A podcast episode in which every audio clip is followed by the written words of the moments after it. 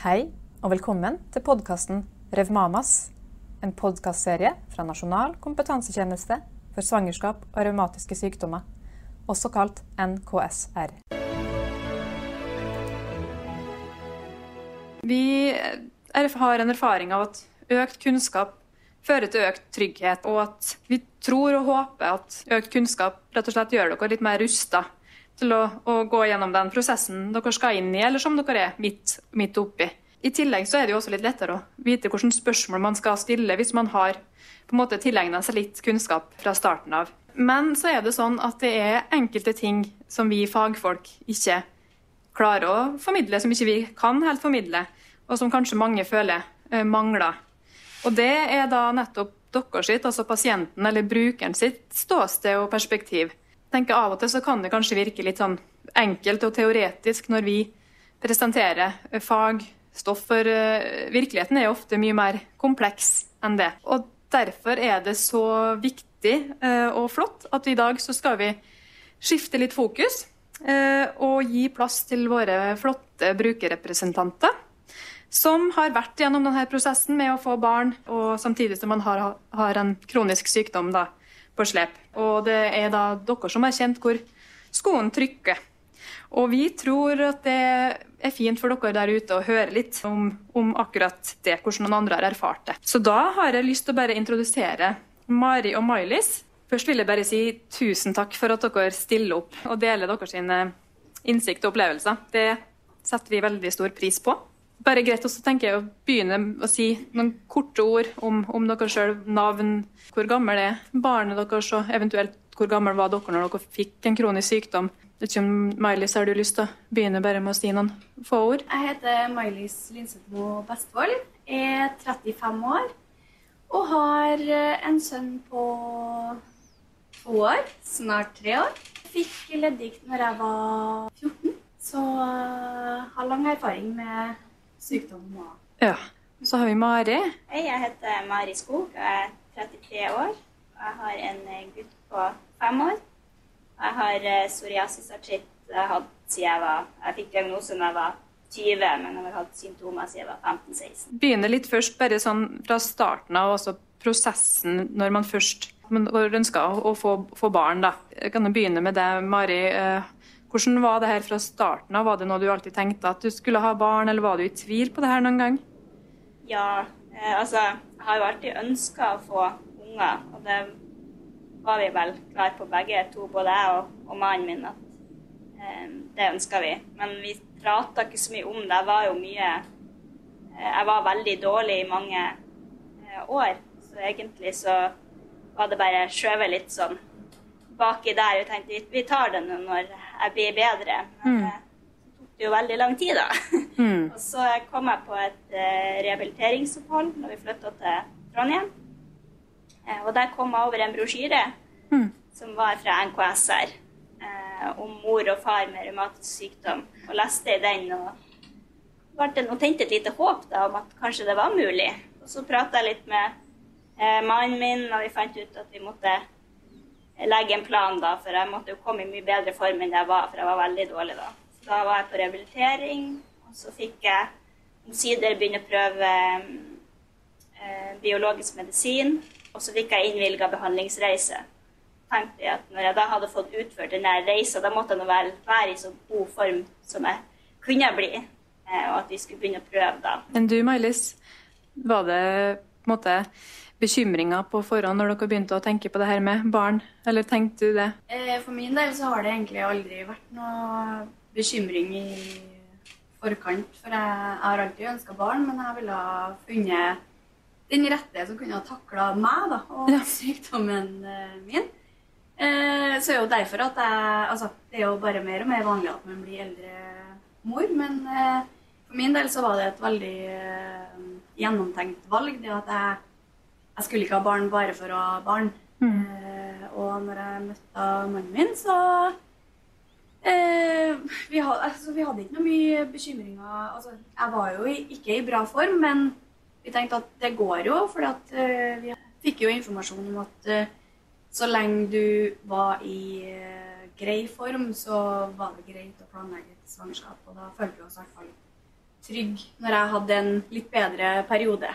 Når, du, altså, når dere var i denne fasen før, før svangerskap og, og, tenkte og planla, var det på en måte selve svangerskapet dere eventuelt hadde litt sånn bekymringer, eller var det mer sånn tida etter hvordan det skulle bli å, ha et barn?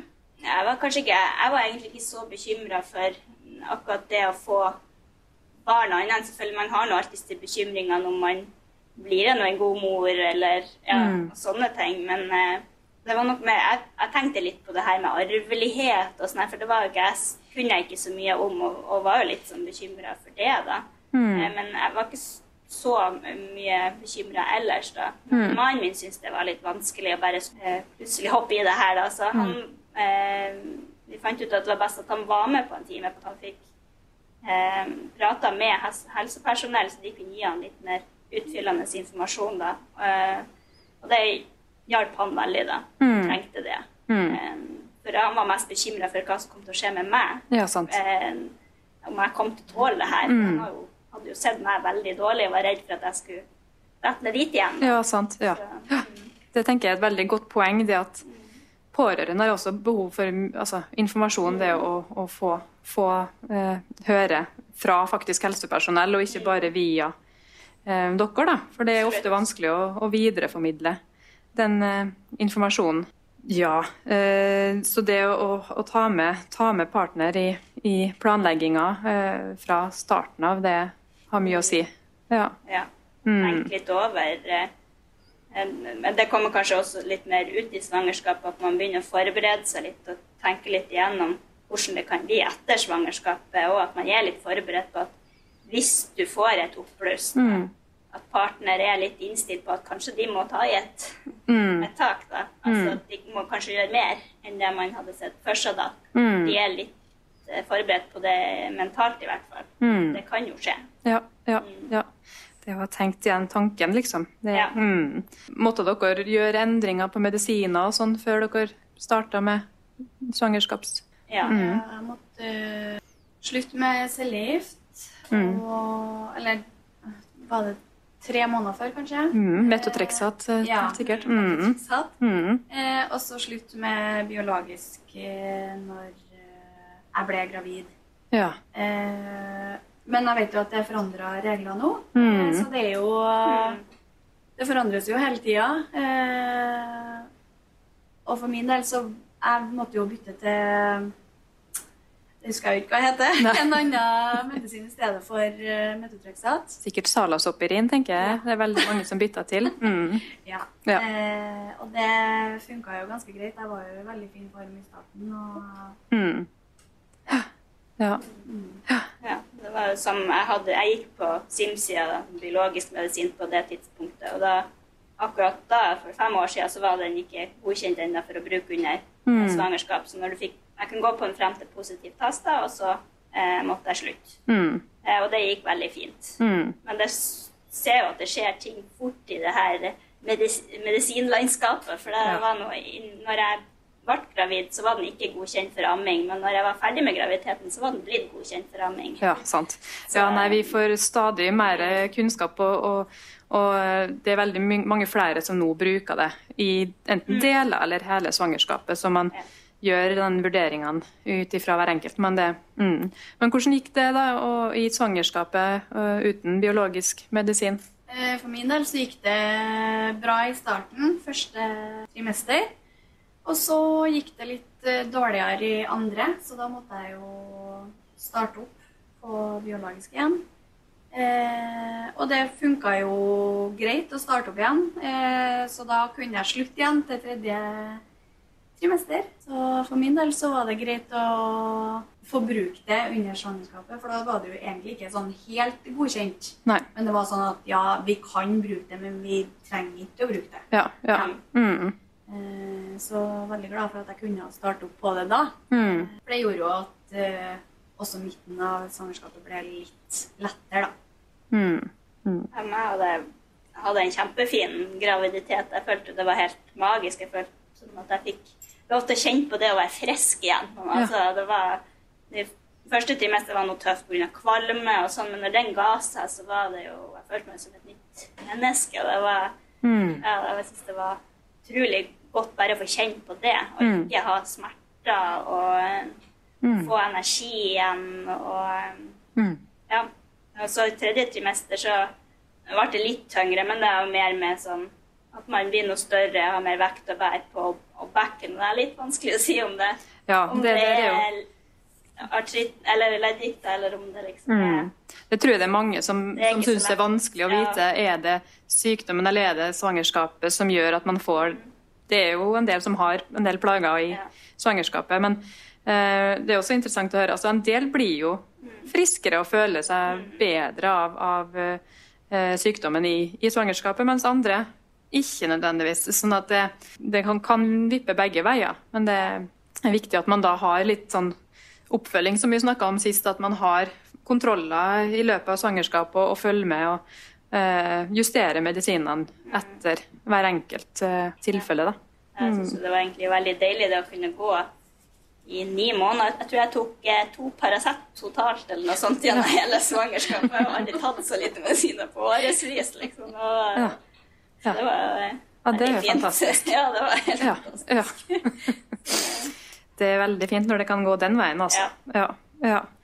Hadde dere noen erfaringer noen gang i, i svangerskapet? Altså, du brukte jo medisin da i deler av svangerskapet. Var det noen som altså, Vi hører jo noen av og til som uh, får spørsmål om det når man bruker medisiner, altså om det er fastlege, eller om det er jordmor, eller om det er noen familie som liksom er kan stille kritiske spørsmål til om hvorfor man bruker medisiner i svangerskap og sånn. Er det noen som har opplevd noe sånt noen gang av dere? Nei, for min del så jeg har aldri Jeg har vært veldig heldig med folk rundt meg generelt, for det er veldig få som stiller kritiske spørsmål generelt. Altså, de mener at jeg har god nok kunnskap sjøl til å ta de valgene jeg Mm. vil ta sjøl. Eh, og det syns jeg er veldig supert, for jeg hører jo om tilfeller der det er mange som er skeptiske til medisinbruk, og har du nok kunnskap om ditt, og har du nok kunnskap om datt, og Mm. så er jeg veldig heldig eh, med folkene rundt meg. da. Og, ja. Men det er jo noen som er mer kritiske enn andre òg. Så, Ja. Sånn er det jo bare. Mm. Og medisiner er altså, Du vet jo at medisiner er sterke saker, så du, du Mm. vet jo ikke hva altså, Du har jo ikke kunnskap om all- all medisin. Mm. Eh, så jeg skjønner jo det, om Ja. folk er skeptiske. Mm. Hvis Mm. du skal gå på noe som Mm. skal drepe noe annet i kroppen din på en måte, mens du er, mens du er gravid. Altså, Ja, ja, men det, det, det er godt å høre at eh, det fordi det er nok tøft for en del å skulle, men, men å da være trygg på seg sjøl at det, det her er det gjort grundige vurderinger om hvorfor det er det beste. Eh, og at risiko-nytte-vurderinger gjør at det ofte er det greit, altså bedre å bruke medisiner enn å, å kutte det ut. Eh, så det der er noe som man må vurderes sammen med, med den revmatologen som faktisk kjenner til det. Da. Ja. Masse betennelse i kroppen er ikke noe bra for babyen. Nei, Eller det er vel det, sånne ting som kan gjøre at man føder for tidlig. Og Ja, det er jo- økt risiko, da. ja, det er akkurat det. Det kan øke risikoen for sånne type ting. Så da, det er noe med det.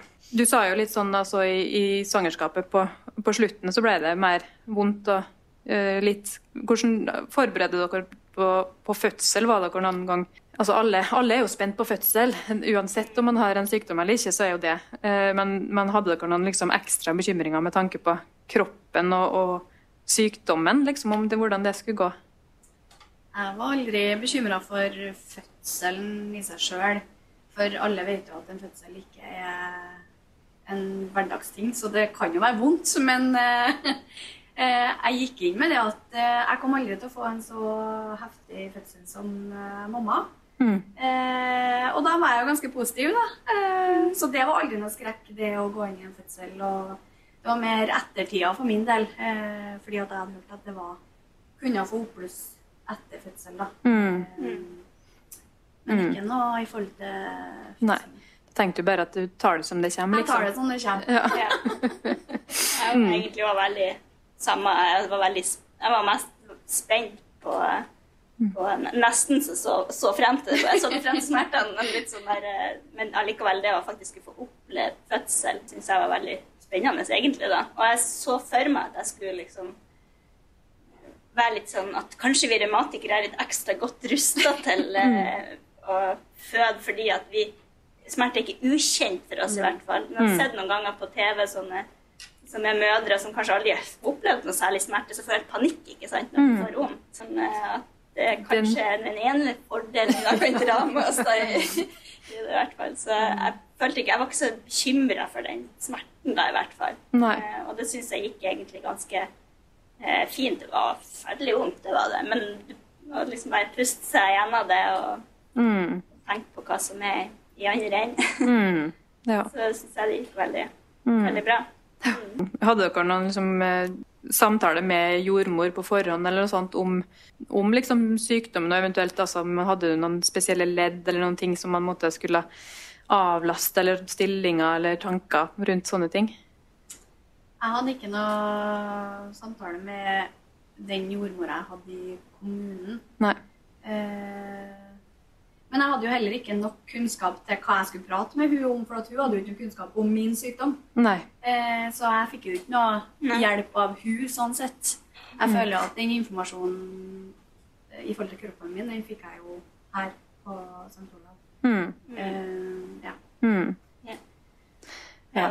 Nå er det jo, nå er det jo at det er kommet en ny sånn nasjonal anbefaling at alle som har en revmatisk sykdom, eh, skal få bli tilbudt en eh, fødselsforberedende samtale på sykehuset der de skal måtte føde da, med fødselslege. Eh, der man kan gå gjennom litt sånn om det er ting ekstra. Og, og det tenker jeg at det er et godt tilbud for å liksom trygge litt og, og kunne eventuelt ta opp eh, sånne bekymringer. da. Jeg tror jeg, jeg tenkte ikke så mye på det før. Altså, I og med at jeg var såpass fin i svangerskapet, Ja. så var det liksom ikke en problemstilling som jeg kom til å tenke over en gang. At om jeg hadde noe blitt dårlig på slutten, om at jeg faktisk burde kanskje ha tenkt litt over Mm. hva som kunne vært lurt å snakke med jordmor om, eller skrevet i sånn Mm. det der eh, fødebrevet. Ja, fødebrev, ja. ja. Men jeg var på sånn eh, fødselsforberedende kurs. Mm. Og det syns jeg var veldig nyttig. Det har jo ikke noe med sykdommen å gjøre, men det er jo mer bare sånn at du er forberedt og vet hva som de har på fødestua på ditt lokalsykehus. Hvilket tilbud har de der av smertestillende, og hvor møter du opp når fødselen er i gang? Liksom bare sånn praktiske ting. da. Mm. Men um, jeg prata egentlig ikke så mye om det med sykdommen og Nei, fødsel. Nei. Men det er jo naturlig, som du sier, når du var i så var- god form som du var, så er det jo Ja, da er det jo bare en fødsel som alle andre. Ja. Det, er ikke noe, Mm. det er ikke noe ekstra sånn sett. Man kan jo i utgangspunktet føde som normalt og ting Ja. Så, Mm. så det, det er jo også helt viktig at ofte så, så er man i fin form. Og, ja. eh, som du, du nevnte her i stad, at du ikke var noe særlig bekymra for selve fødselen, men at du tenkte på tida etterpå, og det her med om det skulle komme et oppbluss, og, fordi du hadde hørt en del om det. Ja, eh, Vil du si noe mer om hva det Hvordan ble, ble det? Det ble jo Altså, det her er jo min personlige erfaring, men det ble jo verre enn jeg hadde skjedd for meg. Fordi at jeg eh, Den medisinen jeg gikk på, den funka jo ikke. Og jeg hadde en ganske heftig og lang fødsel. Hmm. Eh, og det var ikke Altså, jeg var ikke flink nok på å kommunisere min smerte, og sykehuset var ikke flink nok til å eh, Altså, de hadde jo verken kunnskap eller eh, Jeg var flink til å spørre, da. Mm. Så vi kom i en sånn her eh, langvarig eh, Ja. Hva skal jeg kalle det? Eh, mølje med Som ikke Altså, det gikk jo kjempebra i forhold til Altså, han kom jo ut eh, etter da fem dager. eh, og alt var jo helt Altså, jeg var helt i ekstase da. Mm. Eh, og alle hormonene og sånn var jo fin uh, uke 14 dager etterpå. Mm. Eh, så den, eller, den smerten jeg hadde fått av å ligge så lenge eh, i fødsel og sånne ting, det var jo bort. Men så fikk jeg jo smellen igjen når jeg skulle begynne på noen ny medisin som ikke funka. Og etterdønningene med at jeg ikke klarte å eh, amme. Eh, jeg Mm. klarte ikke å ta vare på sønnen min, så mannen min måtte jo ta over mye av permisjonen. Mm. Eh, og det ble jo et nederlag. Eh, fordi at jeg hadde jo ikke hørt om noen som ikke tar sin egen permisjon. Mm. Men igjen, så jeg vet jo at alle er ulike, og så jeg måtte jo bare ta det som det var. Mm. Eh, og jeg er jo veldig heldig som har en mann som har en jobb som er veldig snill òg, som lar han faktisk ta over eh, permisjonen. Det skulle bare mangle. Eh, Ja, men det er ikke Ja. gitt at de gjør det. Eh, så vi var veldig heldige i den situasjonen. Eh, Mm. Så det hjalp jo oss Mm. eh, Mm. da. Og, ja, og at jeg igjen har en mann som er forståelsesfull og alt sånt der, som Mm. bare tar et tak når jeg er Mm. helt ned. Ja, eh, Og ja. ikke er i stand til å Mm. løfte eller eh, snu meg i senga eller Ja, sant. Ja. Ja, ja. Så du fikk rett og slett den heftige typen. eh, Eh, Et, sånn det, det her er jo forskjellige grader, og, og det av og til får man det, og av og til går det bra. Og, og det er jo kanskje Du starta opp med en ny medisin, og det er ja, mye som kan spille inn der. Og eh, en del opplever jo en viss forverring. Det er jo en viss eh, man ser jo det at, at det er en litt økt risiko for økt sykdomsaktivitet. Eh, Men, men altså, i så ekstreme tilfeller, det, det er unntakene, da. Men det er klart, det, det forekommer, da. Det gjør jo det. Og det, det er tøft. Ja. Jeg har Eh, jo en positiv ting oppi alt det, og det er jo det at når jeg ikke fikk til å amme, mm, så hadde jeg jo veldig god hjelp i mannen min, eller alle rundt oss, som kunne gi melk på flaske. ja, sant. Så det kommer jo positive ting ut Ja, av ja. Ja. en sånn situasjon. Da. Ja, det er et godt poeng at det, det er fine ting som også kommer ut av det. Og at uh, det viktigste da er jo for din del og, Altså, om det er Om de ikke får til å amme, så er det viktigere å prøve å komme seg til hektene. Uh, Det er jo ja, helt klart. Så mm, hvordan var det tida for deg, Mari, etter fødselen? Hadde det Nei, jeg syns jo det var um, Hadde egentlig veldig fin tid. Jeg plagdes litt med amminga og sånn, men det var visst Jeg hadde visst anatomisk eh, dårlige merkeganger. Så, men det, det gikk nå etter noen måneder. Men eh, mm. Jeg var litt innbitt der på den amminga, at jeg skulle liksom få den til. da. Ellers sånn med sykdom og sånn, så Jeg vet ikke om det var Sikkert hormonene hjelper mye på. Jeg følte meg liksom sånn lykkerus og var kjempeglad og ja, lykkelig, da. Og var først når jeg, var på sånn seksukerskontroll, så fikk jeg jo resepten, da, så jeg kunne bare hente meg ut. Ja, og starte starte opp. opp igjen. Mm. Eh, men så var jeg nå litt treg, for jeg følte nok ikke det hasta. For jeg, jeg hadde jo ikke noe vondt. Det gikk noe så fint, da. Men så begynte det å nærme seg sånn fire måneder etter fødsel, så begynte det å gjøre litt vondt. Da. Så tenkte jeg ja, det er kanskje på tide å hente den medisinen. da. Ja. Og da var det jo ikke sånn som første gang jeg starta på biologisk, at det bare funka magisk etter noen få dager at du kjente effekten. liksom. Det gikk nå i hvert fall et halvår, tror jeg, før jeg begynte å kjenne effektene. Mm. Sånn at det, det kan nok være lurt å, å starte opp eh, tidlig Ja. etter, selv om du føler deg bra. Så kan Mm. det ta tid før den gir effekt. Ja. Så, Det er et veldig godt poeng, tenker jeg. Um, vi råder jo ofte til å komme fort i gang igjen, og, og som du sier, så kan det ta litt tid før man får effekt. Og spesielt de biologiske medisinene, så er det jo aller, aller fleste kan man jo amme med trygt. Mm. Mens igjen så er det jo mange som er litt sånn ja, men det går jo bra uten. Men uh, Ja. hennes er det at det er lurt også, også komme i gang. Ja. Ikke vente på at det skal bli for ille, i hvert fall. Ja, Viktig poeng, det, altså. ja. Har dere liksom noen ting som spesielle råd eller noen dere har tenkt til andre som kanskje eh, planlegger svangerskap? Hva som fungerte for Eller ikke fungert? Men Det er kanskje spesielt det å ha noen Om du enten partner, eller hvis du ikke har partner, at du er alene, men at du har med noen allikevel som du kanskje forventer kommer til å være eh, og, og, og hjelpe deg, følge deg under svangerskap og i barseltida, som er med på en sånn time, sånn som jeg gjorde med ja. mannen min, og du hadde kanskje Magnus òg med på sånn time, så de får den informasjonen, de òg. Og eh, de får litt mer innsikt i det som er i vente, da, de også. Eh, Jeg tror det er veldig lurt. ja. Eh, Også det med eh, fødebrev. altså Jeg hadde ikke peiling på hva jeg skulle skrive der. Det eneste jeg skrev, på en måte, det var ja, jeg var nå verken for eller mot medisiner. Liksom, det var det eneste jeg hadde tenkt gjennom. om meg. Det var ikke noe sånn her bastant på at jeg skal ikke ha epidural, jeg skal være sånn urkvinne. Jeg skal, sånn noe sånt. Mer sånn, det var bare sånn, ja, Hvis jeg trenger det, så tar jeg men hvis ikke, så supert det òg, liksom. Ja, Men ja. Men det var det eneste jeg kom på å skulle skrive. Men, eh, men kanskje skrive, ja, hvis, hvis du kjenner på Hvis du har noen utfordringer, du kan skrive ned det at jeg har en revmatisk sykdom, og å ligge lenge i ro, f.eks., det kan være utfordrende. Mm. Og ja, sånne ting at man skriver det ned, så vet de om det når du kommer. Ja. Det er et godt tips, tenker jeg. Ja. Og så tenker jeg sånn som for din del, når det ble heftig etter fødselen, og, og, og eh, det høres jo ut som du hadde et nettverk rundt deg, og, og bruker nettverk folk rundt deg til å avlaste og hjelpe, og ikke være redd for å be om hjelp, da. Så tenker jeg også på generelt kommunikasjon. Eh, å få all informasjon fra dem du kan få informasjon eh, fra, og det å kommunisere godt med partner eller eh, pårørende rundt deg. Eh, for det hjelper jo veldig med mer kunnskap, og mer kunnskap for dem rundt deg. Mm. Eh, Så for min del så har det jo vært veldig fint at altså jeg har alltid vært veldig åpen om Mm. alt, egentlig. Ja. Og det har jo hjulpet meg med å komme gjennom ting òg, for da kan du prate om det både før og etter det skjer et eller annet som både er positivt eller negativt.